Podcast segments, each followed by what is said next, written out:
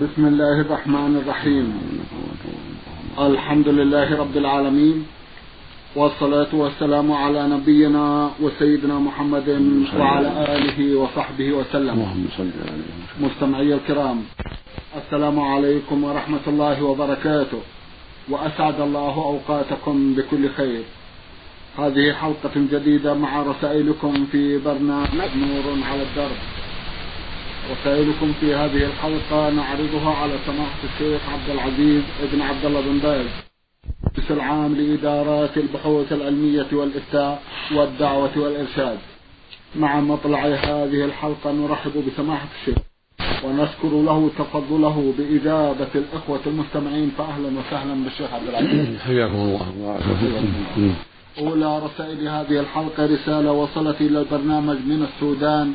باعثتها إحدى الأخوات المستمعات رمزت إلى اسمها بالحروف تاء ألف. أختنا لها جمع من الأسئلة في أحدها تسأل وتقول ما حكم الشرع في صلاة المرأة التراويح في المسجد؟ جزاكم الله بسم الله الرحمن الرحيم.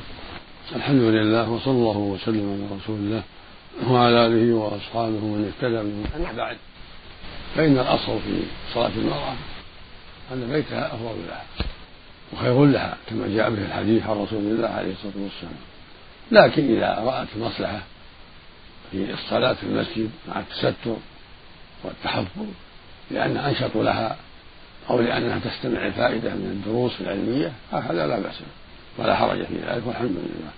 وهو أيضا طيب بما فيه من الفائدة العظيمة والنشاط في العمل الصالح. نعم. جزاكم الله خيرا وأحسن إليكم. تسأل أختنا أيضا فتقول ما حكم الشرع في زيارة القبور للنساء يوم الجمعة؟ الزيارة القبور مختصة بالرجال. هذه السنة السنة للرجال أن يزوروا القبور. لقول النبي صلى الله عليه وسلم زوروا القبور فإنها تذكركم الآخرة. وليس لها حد في الليل أو في النهار. أما النساء فلا يجوز لهن زيارة القبور. لأن الرسول صلى الله عليه وسلم لعن زائرات القبور فلا يجوز لهن الزيارة ولكن يدعون لموتاهم بالمغفرة والرحمة من بيوتهم ومن كل مكان. أما الزيارة فتختص بالرجال. وفق الله الجميع اللهم آمين. جزاكم الله خيرا. تسأل أختنا عن حكم من يستهزئ بالنساء المتحجبات وخاصة من تغطي وجهها. هذا على كل حال حكمه أنه غالط وأتى منكرا. فالواجب عليه التوبة إلى الله من ذلك وأن يشجعهن على الحجاب. وليس له ولا لغيره الاستهزاء بالمتحجبات الواجب شكرهن وتشجيعهن على التحجب. لما في ذلك من المصلحة العظيمة ولما في ذلك أيضا من اتباع الشرع. التمسك بالأوامر التي جاء بها الكتاب جاءت بها الكتاب جاء بها الكتاب والسنة. كما قال الله سبحانه في كتابه العظيم وقرن في بيوتكن ولا تبرجن تبرج الجاهلية الأولى. قال سبحانه وإذا سألتموهن متاعا فاسألوهن من وراء حجاب ذلكم أطهر لقلوبكم وقلوبهن. فالحجاب للمرأة فيه خير عظيم ومصالح جمة لها وللمسلمين. نعم. جزاكم الله خيرا وأحسن إليكم. بعد هذا رسالة بتوقيع جمع من الأخوات المسلمات. يقولن في رسالتهن أخوات مسلمات يتابعن البرنامج ويعجبن به. أخواتنا لهن جمع من الأسئلة سماحه في أحد أسئلتهن يقول هل يشترط تلقين المتوفى الشهادتين؟ وإذا لم يكن أحد عند المتوفى هل يلفظ الشهادتين لأننا سمعنا أن المتوفى قد يشغل عنها وجهونا حول هذا الأمر. جزاكم الله خيرا. كنا مشكورات على العناية بهذا البرنامج ومعرفة قدره. ولا شك أنه برنامج مفيد عظيم. وأنا أوصي جميع إخواني في الله وأخواتي في الله بالعناية بهذا البرنامج والاستماع له والاستفادة منه فهو برنامج مفيد بحق. ويقوم عليه جماعة من خيرات أهل العلم فأنا أوصي جميع إخواني وأخواتي في الله بالاستماع لهذا البرنامج والاستفادة منه. وأما ما يتعلق بالتلقين فهو مستحب. لقوله صلى الله عليه وسلم لقنوا موتاكم لا إله إلا الله. فيستحب تلقين الميت أن يقال له اذكر الله. أو الجالس يقول لا إله إلا الله حتى يتأسى بالمريض فيقول مثل قوله ولو مات ولم يلقن فلا شيء ما دام مات على التوحيد فالحمد لا يضره ذلك. إذا مات على التوحيد ولو ما لقنه أحد ولو ما قال شيء عند الموت فهو على توحيده وعلى عقيدته التي مات عليها. وجاء له الخير العظيم. لكن إذا قال لا إله إلا الله أو أشهد أن لا إله إلا الله وأشهد أن محمدا رسول الله عند الموت فهذه بشارة خير. وهذا فيه فضل عظيم. في الحديث يقول صلى الله عليه وسلم من كان آخر كلامه لا إله إلا الله دخل الجنة. يعني مع الإيمان والتقوى. أما لو قال لا إله إلا الله وهو مصر على المعاصي فهذا تحت مشيئة الله هذا خطأ. إن شاء الله غفر له وإن شاء عذبه على معاصيه التي مات عليها لم يتب لقول الله سبحانه في كتابه العظيم في سورة النساء إن الله لا يغفر أن يشرك به ويغفر ما دون ذلك لمن يشاء. فعلق ما دون الشرك بالمشيئة. قال ويغفر ما دون ذلك دون الشرك لمن يشاء. فدل ذلك على أن الذي يموت على المعاصي كالزنا أو السرقة أو الخمر أو العقوق للوالدين أو أحدهما حكمه أنه معلق أمره معلق بمشيئة الله. إن شاء الله سبحانه غفر له وعفى عنه وإن شاء سبحانه عذب على قدر المعاصي التي مات عليها إذا كان لم يتب قبل الموت نعم. جزاكم الله خيرا وأحسن إليكم. لهن قضية حول عذاب القبر ونعيم سماحة الشيخ. سؤالهن على قدر ما استطعنا أن يكتبن يقول عندما يدفن الميت هل ترجع روحه إليه في القبر؟ وإذا كان الأمر كذلك فإلى متى يبقى الميت في العذاب؟ أم تصعد روحه إلى السماء العليا. وهل تبقى أم يستمر العذاب حتى يوم الحساب؟ أفيدونا لأن الذين ماتوا منذ زمان بعيد منذ قرون مضت هل يبقون في العذاب أم ينتظر؟ حتى يوم الحساب نريد أن توضحوا لنا هذا الأمر. جزاكم الله خيرا. القبر إما روضة في رياض الجنة أو ثورة من حفر النار كما جاءت في الأحاديث عن رسول الله عليه الصلاة والسلام. المؤمن يعذب ينعم في قبره. المؤمن في نعيم في قبره وروحه في نعيم في الجنة تنقل إلى الجنة. أرواح المؤمنين تكون في الجنة في صور في طائر. يلد الجنة ويكون من ثمارها. تكون هذه الروح شكل طائر تلد الجنة وتأكل من ثمارها. ويردها الله إلى الجسد إذا شاء سبحانه وتعالى. عند السؤال وفي الأوقات الأخرى التي يشاءها الله جل وعلا وهو في نعيم أبدا. روحه في نعيم وجسده ما دام باقيا فهو في نعيم. يناله نصيبه من النعيم كما يشاء الله سبحانه. والكافر في عذاب روحه في عذاب وينال من جسده نصيبه من العذاب. أما المدة وكيف يعذب؟ هذا إلى الله سبحانه ولا نعلمها نحن. المدة الله أعلم بها. لكن نعلم أن المؤمن في نعيم وروحه في نعيم والكافر في عذاب. أما تفصيل ذلك فيما يتعلق بالعذاب فلم يبلغنا فيه ما يدل على التفصيل إلا أنه في عذاب روحه في عذاب وجسده يناله نصيب من العذاب. نسأل الله العافية. أما العاصي فهو تحت المشيئة. قد يعاقب في قبره قد يعذب وقد يعفى عنه قد يعذب وقتا دون وقت فأمره إلى الله جل وعلا. قد أخبر النبي صلى الله عليه وسلم أنه مر على قبرين. فإذا هما يعذبان. أحدهما يعذب في النميمة والثاني يعذب في عدم تنزه من الموت. فالعاصي على خطر إذا مات على المعاصي ولم يتب وهو متوعد بالعذاب لكن قد يعفى عنه بأسباب أعمال صالحة كثيرة أو بأسباب أخرى. وإذا عذب فالله أعلم سبحانه بكيفية العذاب.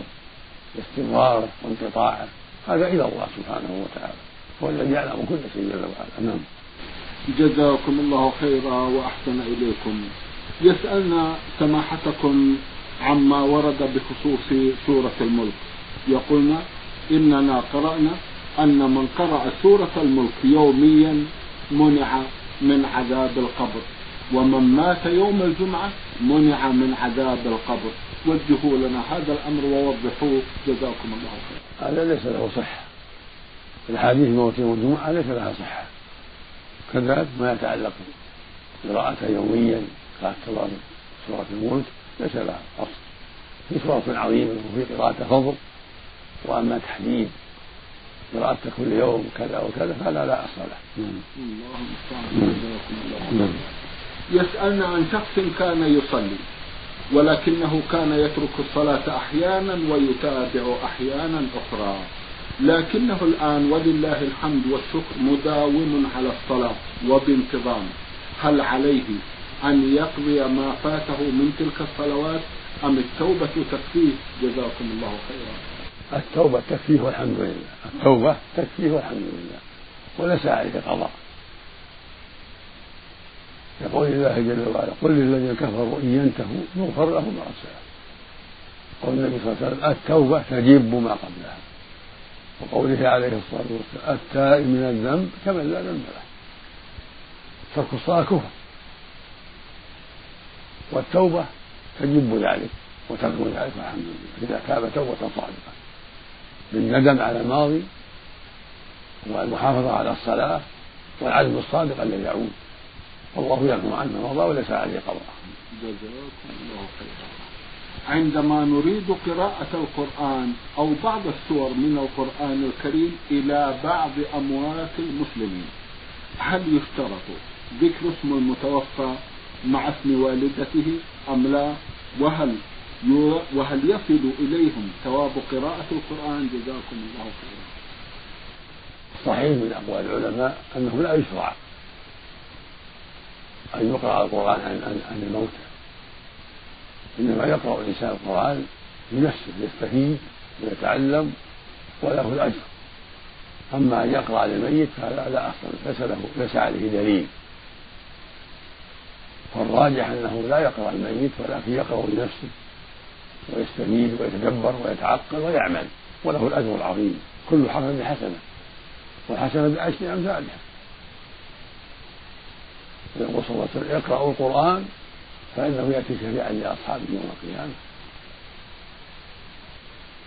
لكن المؤمن يدعو لأمواته يدعو لهم بالمغفرة والرحمة يتصدق عنهم يحج عنهم يعتمر كل هذا طيب. ومن أهم شيء الدعاء دعاء الأموات بالمغفرة والرحمة بالنجاة من النار بعلو الدرجات بمضاعفة الحسنات كله طيب. والحج عن الميت والعمرة كذلك والصدقات. كله طيب. ينفع الميت نعم. جزاكم الله خيرا وأحسن إليكم. مستمع من جدة رمز إلى اسمه بالحروف عين يا يا دال يقول أتقدم لسماحتكم بقضية وهي أنني مصاب بكثرة التفكير أثناء تأدية الصلاة وأحيانا أوسوس في الطهارة. ويحصل عندي شيء من الدوخة. وأيضا ينشغل تفكيري وخاصة كما قلت في الصلاة أرجو توجيهي إلى ما أعمل. جزاكم الله خيرا. الواجب عليك الحذر من الوساوس واللجأ إلى الله في طلب العافية ذلك تسأل ربك أن الله يعافيك من ذلك. لأن هذه وسوسة من الشيطان. فالواجب أن تسأل ربك أن يعيذك من مكائده ووساوسه قال الصحابي هو عثمان بن العاص ففعلت ذلك؟ فشفاني الله من ذلك. والمقصود أنك تتعوذ من الشيطان حتى ولو في الصلاة. إذا كثر عليك الوسوسة تكفى ان يسالك ثلاث مرات تقول أعوذ بالله من الشيطان الرجيم. ويزول عنك ذلك إن شاء الله. مع الحرص على احضار قلبك بين يدي الله وأنك بين يدي الله جل وعلا وهو سبحانه الرقيب عليك. فاحذر الوساوس وهكذا في الوضوء. نعم. جزاكم الله خيرا وأحسن إليكم. مستمع من مكة المكرمة رمز إلى اسمه بالحروف عين جيم دال. يقول أرجو من سماحة الشيخ أن يتفضل بإجابتي على القضية التالية. يقول أنا رجل في مكة المكرمة وقد بلغت من العمر عتيا. وسبق بيني وبين زوجتي سوء تفاهم في منزلي قبل ستة وثلاثين قبل ستة وثلاثين عاما. ثم إني خرجت من المنزل ثم عدت إلى المنزل فوجدت زوجتي في دكاني قائمة أمام درج النقود. وكان الدكان في نفس المنزل. عين عين يقول أنا رجل سعودي ومقيم في مكة المكرمة. وقد بلغت من العمر عتيا. وسبق بيني وبين زوجتي سوء تفاهم في منزلي قبل ستة وثلاثين عاما. ثم إني خرجت من المنزل ثم عدت إلى المنزل فوجدت زوجتي في دكاني قائمة أمام درج النقود وكان الدكان في نفس المنزل. فقلت لها ماذا تفعلين؟ فأجابتني بقولها لا شيء. فقلت وماذا أخذت من نقود؟ فقالت لم آخذ شيء. فقلت ارجعي ما أخذت من نقود وإلا فأنت طالق. فقالت إني لم آخذ شيء فقلت اذهبي لوالدك فذهبت لوالدها. ثم إنه بعد أسبوع أتى بها والدها إلى عندي وقال استلم زوجتك إنها لم تأخذ شيء من النقود. ثم ذهب وتركها عندي وهي مقيمة كما قلت معي الآن.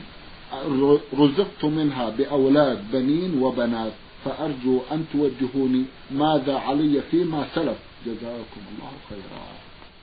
عليك أن تراجع المحكمة في ذلك وهي تفتك إن شاء الله بما ترى أو تحضر مع زوجتك وأبيها عند مندوبنا في مكة الشيخ جابر بن محمد المدخلي حتى يكتب كلامكم وننظر في ذلك إن شاء الله. جزاكم الله خيرا. مستمع يقول فاروق حسين إبراهيم من السودان يقول دخلت المسجد لأداء صلاة العصر فوجدت ثلاثة أشخاص يصلون فصليت معهم بنية صلاة العصر. ولكن بعدما تفرقنا وفرغنا من صلاتنا أخبروني بأنهم صلوا صلاة الظهر لأنها كانت فائتة بالنسبة لهم. ولما قاموا لصلاة العصر قمت وصليت معهم أيضا. فهل صلاتي الأولى هي الصحيحة أم الثانية؟ جزاكم الله خيرا. الأولى صحيحة والثانية نافلة والحمد لله. الأولى صحيحة ما دامت في الوقت فالحمد لله. يجوز أن يصلي الإنسان العصر خلف من يصلي الظهر. إذا كان عليه العصر وهم يصلون الظهر في وقت العصر لأنها فاتتهم أو لأنهم قد جمعوا بينه وبين العصر جمع تأخير فصلاته معهم بنية العصر إذا كان قد صلى الظهر صحيحة. هذا هو الصواب من قول العلماء. نعم. جزاكم الله خيرا. المستمع محمد آدم يسأل ويقول هل هناك صلاة تدعى صلاة الغائب ثم ما هي كيفيتها؟ جزاكم الله خيرا. لا أعرف شيئا عن صلاة الغائب. لا أعرف شيئا عن صلاة الغائب. نعم. جزاكم الله خيرا. نعم. المستمع سعيد محمد علي سعيد يسأل ويقول ما حكم من قتل نفسه انتحارا خوفا من ظهور عيب أو مشكلة قاهرة؟ هذا أتى منكرا عظيما وأمره إلى الله تحت مشيئة الله هذه معصية عظيمة وكبيرة الانتحار من المعاصي الكبيرة والعاصي إذا مات على معصيته أمره إلى الله تحت المشيئة كما قال الله سبحانه لما ذكر الشرك قال بعده ويغفر ما دون ذلك لمن يشاء. قد أجمع أهل السنة والجماعة على أن العاصي إذا مات على معصيته لم يتب فهو تحت مشيئة الله. لا يقال إنه مخلد في النار ولا أنه في النار بل تحت مشيئة الله. إن شاء الله غفر له وعفى عنه وإن شاء عذب في النار على قدر المعصية التي مات عليها ثم بعد التطهير يخرج من النار إلى الجنة. هكذا يقول أهل السنة والجماعة. الموحد المؤمن لا يخلد في النار. إذا دخلها بالمعصيه يعذب على قدر المعصية. ثم يخرجه الله من النار إلى الجنة. هذا قول أهل السنة والجماعة في حق العصاة إذا ماتوا على معصية. نعم. جزاكم الله خيرا وأحسن إليكم. من جامعة الملك فهد للبترول والمعادن رسالة بعث بها المستمع عبد العزيز محمد من الظهران. يقول في رسالته بسم الله الرحمن الرحيم. سماحة الشيخ عبد العزيز ابن باز حفظه الله. السلام عليكم ورحمة الله وبركاته. يطيب لي أن أتقدم لكم بالدعاء بدوام الصحة والعافية وأن يبارك الله فيكم ولي سؤالان. السؤال الأول إني, إنني رضعت من أم والدتي مع خالتي أكثر من خمس رضعات مشبعات وهي في نفس سني. والآن خالتي أختي في الرضاعة لها ابن يريد الزواج من أختي الصغيرة. فما الحكم؟ وجزاكم الله خيرا. يقول إنني رضعت من أم والدتي مع خالتي أكثر من خمس رضعات مشبعات وهي في نفس سني والآن خالتي أختي من الرضاعة لها ابن يريد الزواج من أختي الصغيرة فما الحكم؟ وجزاكم الله خيرا. أنت بهذا الرضاع إذا كنت في الحولين صرت أخا لأمك وأخا لخالتك لأنك رضت منها جدة فأنت أخ لأمك وأخ لجد لخالتك وخال لأولاد خالتك خال لهم وإذا أراد بعض أولاد أختك أن ينكح بنتا لك فهو ينكح بنت خالته بنت خاله ليس فيها شيء إذا كان من رضاع آخر. بناتك حل لأولاد خالتك التي هي صارت أختك في الرضاعة المخطوبة بنت أخته نعم. وليس بنته. المخطوبة؟ تعيد سؤالك. لا بأس. إنني رضعت من أم والدتي نعم. مع خالتي أكثر من خمس رضعات مشبعات وهي في نفس سني. والآن خالتي أختي في الرضاعة لها ابن. يريد الزواج من أختي الصغيرة. فما الحكم؟ من أختي الصغيرة؟ نعم. يريد الزواج من أخته الصغيرة.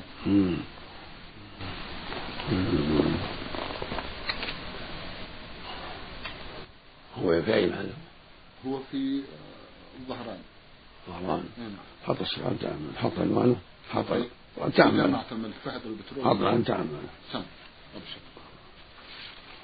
يجيك الجواب. يأتيك الجواب.